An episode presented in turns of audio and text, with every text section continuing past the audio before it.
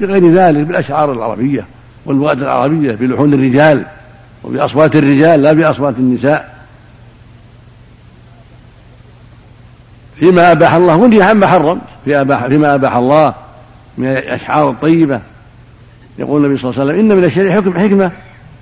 فالأشعار الطيبة التي تدعو إلى الخير وتشجع على الخير وتحذر من الباطل.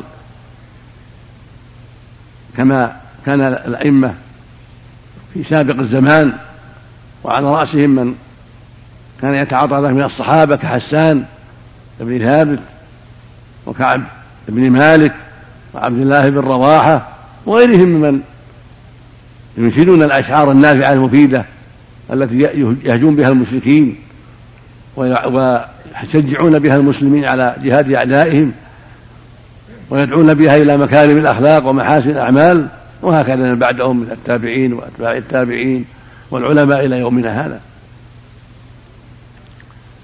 أما النزول إلى الأغاني فيما يتعلق بالنساء والخمور ومحاسن فلانة وفلانة وقيام النساء بذلك أيضا فهذا بلاء في بلاء نعوذ بالله.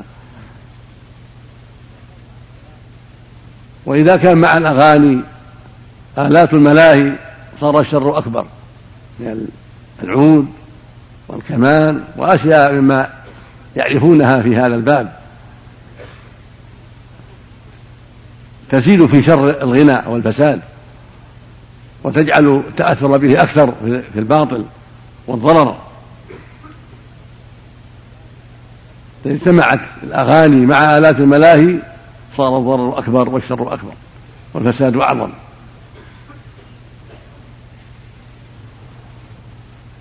وسمعتم الحديث. وهو قول النبي صلى الله عليه وسلم لا يكونن من أمتي أقوام يستحلون الحرى والحرير والخمر والمعازف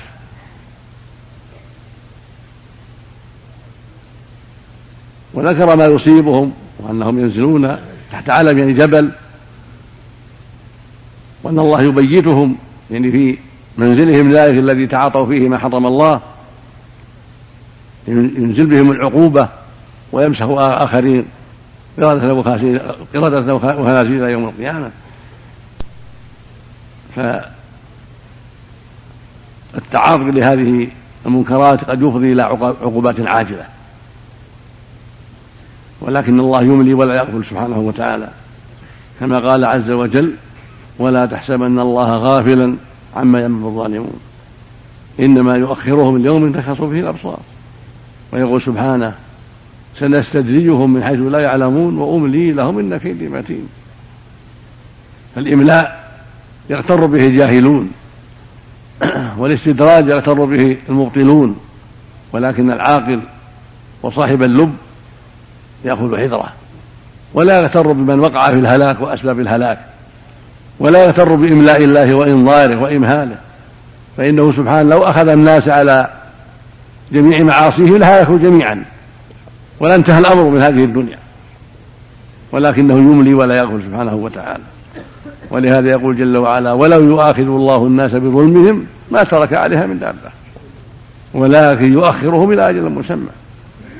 فإذا جاء أجلهم لا يستغنون ساعة ولا يستقدمون. ويقول جل وعلا الأخرى ولا يؤاخذ الله الناس ما كسبوا ما ترك على ظهرها من دابة. المؤمن يحذر ولا يغتر بالإملاء والإمهال فلو أن كل كافر وكل عاصي أخذ لا ذهبت الدنيا وانتهى الأمر. ولكنه يملي لهذا ويملي لهذا ويقيم الحج على هذا والنذار لهذا لعلهم لعلهم. ثم هو سبحانه وتعالى الحكيم العليم في تعجيل العقوبة وفي تأجيلها. وهذه الدار دار الابتلاء. ودار الامتحان دار الأكدار دار الأخطار. يمتحن هؤلاء بهؤلاء وهؤلاء بهؤلاء. وجعلنا بعضكم لبعض فتنة أتصبرون؟ وكذلك فتنا بعضهم ببعض ليقولوا أهؤلاء من الله عليهم بين أليس الله بعذاب الشاكرين؟ فالفتنة واقعة. ويبلوكم بالشر والخير فتنة. وبلوناهم بالحسنات والسيئات لعلهم يرجعون. العاقل ينتبه ويعلم أن هذه الأمور فتنة للناس واختبار للناس.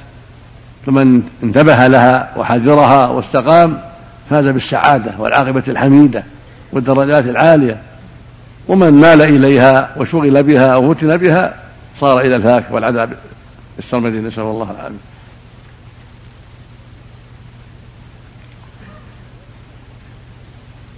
والواجب على المسلمين أينما كانوا التعاون في تقليل الشر وتكثير الخير في إزالة الباطل وفي إقرار المعروف. هكذا المؤمنون في كل مكان في القرى والمدن والبوادي وفي كل مكان. أينما كان المؤمن والمؤمنة يتواصون بالحق ويأمرون بالمعروف وينهون عن المنكر. فإن الله ابتلى هؤلاء بهؤلاء وهؤلاء بهؤلاء. هذه دار الابتلاء.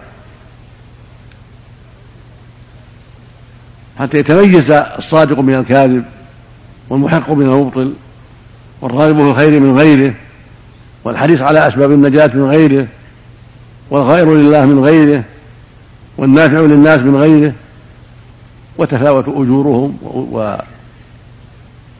وشرورهم وثوابهم وعقابهم على حسب أعمالهم. والمؤمنون والمؤمنات بعضهم أولياء بعض. يأمرون بالمعروف وينهون عن المنكر. ولتكن منكم أمة يدعون إلى الخير ويأمرون بالمعروف وينهون عن المنكر. وأولئك هم المفلحون. كنتم خير أمة أخرجت للناس تأمرون بالمعروف وتنهون عن المنكر وتؤمنون بالله. هكذا المؤمنون. ويقول سبحانه والعصر إن الإنسان لفي خسر. إلا الذين آمنوا وعملوا الصالحات وتواصوا بالحق وتواصوا بالصبر. فالمسلم فالناس خاسرون. جميع أبناء الإنسان خاسرون. إلا الذين آمنوا وعملوا الصالحات وتواصوا بالحق وتواصوا بالصبر. هؤلاء هم الرابحون. هم السعداء. هم الناجون. أما أكثر الخلق فهو خاسر. لأنه لم يأتي بهذه الصفات الأربع ولم يستقم عليها. وهي الإيمان الصادق بالله ورسوله ثم العمل الصالح الذي هو ثمرة الإيمان وهو جزء منه ثم التواصي بالحق وهو من العمل ثم التواصي بالصبر وهو من العمل. لكن نبه الله عليه لعظم شأنه وإلا فالعمل الصالح والتواصي بالحق والتواصي بالصبر كله من الإيمان. يعني الإيمان قول وعمل يزيد بالطاعة وينقص بالمعصية. قول القلب واللسان وعمل القلب والجوارح. فالمفلحون السعداء الرابحون هم الذين استقاموا على هذه الأصول الأربعة. الإيمان بالله ورسوله إيمانا يقتضي توحيد الله والإخلاص له واتباع رسوله عليه الصلاة والسلام والموالاة في ذلك والمعاداة في ذلك ويقتضي العمل بما أوجب الله. وترك ما حرم الله. ويقتضي التواصي بالحق والتواصي بالصبر. هكذا يكون الإيمان الصادق. وبهذا يحصل الربح والسعادة. وليس هذا خاصا بأحد دون أحد. بل هذا لجميع الأمة وجميع الناس. من الرجال والنساء والعرب والعجم. جميع صنوف الثقلين هذا واجبهم. جنهم وإنسهم ذكرهم وأنثاهم عربهم عجمهم مملوكهم وحرهم قارئهم وأميهم هذا واجبهم كلهم. يجب أن يكونوا هكذا.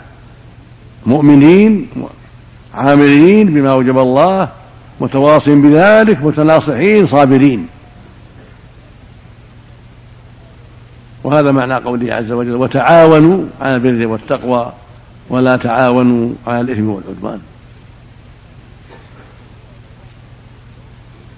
ومن المصائب اليوم أن الإنسان يرى منكر في طريقه وعند بابه وعند دكانه ولا يحرك ساكنه هذه المصيبة التي جرت على الناس شرا كثيرا. يمر من المنكر ويراه عند الباب عند باب المسجد وعند باب بيته وفي طريقه وفي سيارته وفي كل مكان. ولكن كأنه ما رأى شيئا. حتى نشط الباطل وضعف الحق بأسباب السكوت وعدم التواصي. حتى ولو زعل ولو أنكر ولو تكلم ولو سخر ولو قال ما عليك مني. لا أنا علي منك. أنا مأمور أن آمرك. أنا مأمور أن أنصحك وأن أمرك بالمعروف وأن أنهاك عن المنكر. فقوله ما عليك مني أو خل عني دينك أو طوعك ما ما ما يمنعك من الحق. هذا من جهله. فأنت مسؤول عن هذا الأمر. وهكذا مشاهدة المتبرجات في الأسواق من النساء وفي العاريات. كيف يقر هذا؟ كيف يراها الإنسان يسكت؟ كيف يراهم يمر بهم؟ يجب أن ينكر ولو لم يمتثلوا. وإن كان الواجب على الهيئات والحسبة أمرا أكبر وأعظم لكن المؤمنون شركاء. المؤمنون شركاء في الدعوة إلى الله وفي الأمر بالمعروف والنهي عن المنكر. ليس هذا خاصا بالحسبة بالهيئة فقط بل يجب أن تعان ويجب أن تساعد. من كل المؤمنين ومن كل المؤمنات في الأسواق في موضع البيع والشراء وفي الطائرة وفي السيارة وفي القطار وفي كل مكان. حتى يكثر الخير ويقل الشر. وحتى يمتنع صاحب الباطل أو يستحي ويقف عند حده. فإنه متى رأى هذا ينكر عليه وهذا ينكر عليه وهذا ينصحه وهذا يوبخه وهذا وهذا وهذا فإن هذا قد يؤثر عليه كثيرا. وربما هداه الله بأسباب ذلك أو ترك ذلك حياء أو خجلا أو لأسباب أخرى. المهم أن يزول هذا المنكر عن وجه الناس وعن الأسواق وعن منظر الناس والهداية بيد الله جل وعلا. من تركه عن هداية هذا من فضل الله عليه ومن تركه لأسباب أخرى فالحمد لله الذي عافى الله الناس من شره وإثمه عليه إذا اختفى. هذا وأسأل الله لنا ولكم التوفيق والهداية. وأسأل الله يعيذنا وإياكم من شرور أنفسنا ومن سيئات أعمالنا. وأن يعيننا وإياكم على القيام بواجبه وترك ما حرم. وأن يعيننا أيضا على التبليغ. علينا أن نبلغ. على كل واحد يبلغ ما علم من الحق. ولا يضعف ولا يكسل. أينما كان. ونسأل الله أن يجزي أخانا الشيخ عبد الله عن كلمته خيرا. وأن يوفق ولاة أمورنا لما يرضيه وينفع عباده. نسأل الله يوفق ولاة الأمور. في جميع الأمور وأن يصلح القائمين على وسائل الإعلام حتى تستقيم هذه الوسائل وحتى تكون قدوة خير ولسان خير وسببا لهداية الناس فإنه يقتدى بها في الشر والخير. صدق الله جميع التوفيق والهداية. وأما الأسئلة فتكون بعد الصلاة إن شاء الله. وصلى الله وسلم على نبينا محمد وعلى آله وصحبه.